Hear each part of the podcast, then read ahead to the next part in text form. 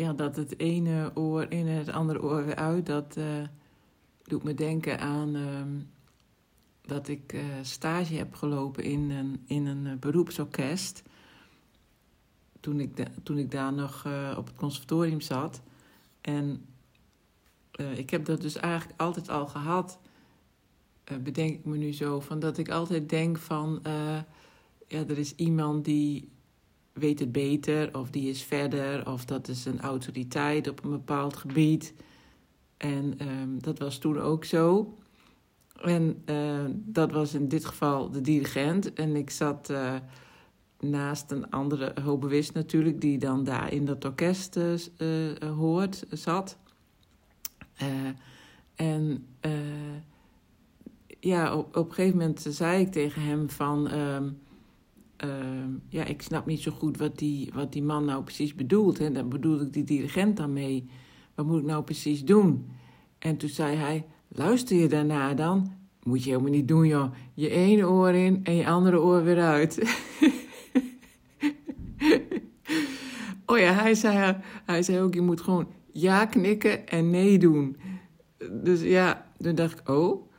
Want ik keek daar natuurlijk heel erg tegenop. Zo'n uh, zo'n dirigent, of, ja, die, die weet toch wat, uh, ja, hoe het allemaal hoort met dat stuk enzovoort. Nou, dat, uh, daar waren de andere muzici het blijkt me niet allemaal mee eens. En dat vond ik eigenlijk heel, ja, ontnuchterend. Van, oh, oké, zo kan het dus ook.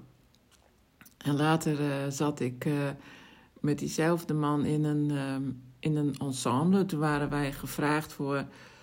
Um, dat, was toen, dat heette toen Gouden James Muziekweken of zo. Dat waren Nederlandse. Ik, ik weet niet meer of nou. Nederland, misschien ook wel. Nee, ik dacht internationale componisten, geloof ik. Of Nederlands, dat weet ik niet meer. Nee, volgens mij was het internationaal. Nou, in ieder geval Ehm, dat doet er helemaal niet toe. Dat waren allemaal mensen die hadden uh, muziekstukken geschreven, nieuwe hedendaagse muziek. En um, die waren denk ik geselecteerd. En die, dat werd dan uitgevoerd, volgens mij in de ijsbreker, dacht ik. Nou ja. En ik moest dus iets spelen samen met hem en meerdere mensen natuurlijk. Maar wij moesten dus op een uh, lage hobo, ik geloof de althobo. Maar er was ook een bariton hobo en er was een basfagot en zo. Allemaal lage instrumenten, lage houtblazers. En die moesten hele hoge noten spelen en, en in allerlei hele rare ritmes. Nou, het was in, in mijn beleving niet om aan te horen. Maar goed, wij zaten druk ons best te doen en er stond zo'n man voor te zwaaien heel, met hele moeilijke maatsoorten en zo. 1, 2, 3, 1, 2, 3, 4, 5, 6, 7 en zo. Allemaal hele rare... Uh, er zat totaal geen, uh, ja, geen uh, hoe noem je dat, cadans in. Dus je moest heel goed opletten. En uh, op een gegeven moment zat hij op een hele andere bladzijde te spelen dan ik. En ik dacht, oh jee, ik doe het fout, want hij is natuurlijk de ervaren persoon. Dus ik twijfelde gelijk weer aan mezelf. Maar op een gegeven moment fluisterde hij zo naar mij: Waar zijn we? Ik, ik zei: Ik heb geen idee, maar ik ben hier. Dus ik was op een bepaalde bladzijde. En hij sloeg snel zijn bladzijde om. Hij zegt, nou, ik volg jou hoor. Hij zegt, ik snap er helemaal niks van. maar goed, ik wist het ook niet zeker waar we waren. Maar het maakte eigenlijk in het hele stuk niet uit. Als je maar een beetje zat te piepen en te kraken. Maar uh, ja, dat was, weer zo'n voorbeeld van... dat ik altijd denk dat een ander het beter kan en beter weet... En um, ja, dat dat misschien wel helemaal niet zo is.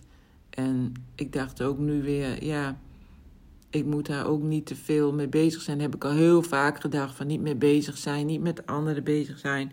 Gewoon je eigen ding doen. En dan heb ik hele periodes dat me dat dan wel weer heel goed lukt.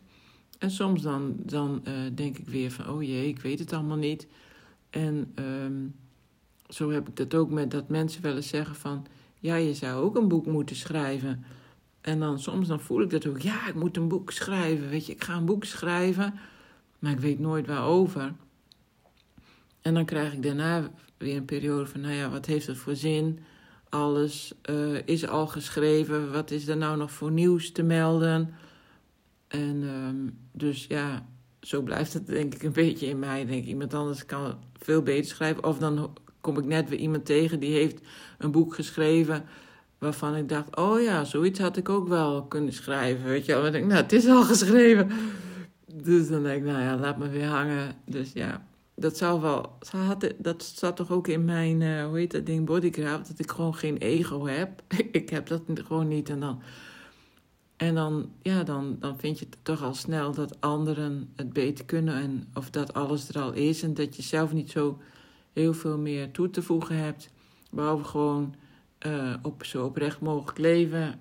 En uh, ja, mijn best doen in, in wat ik doe.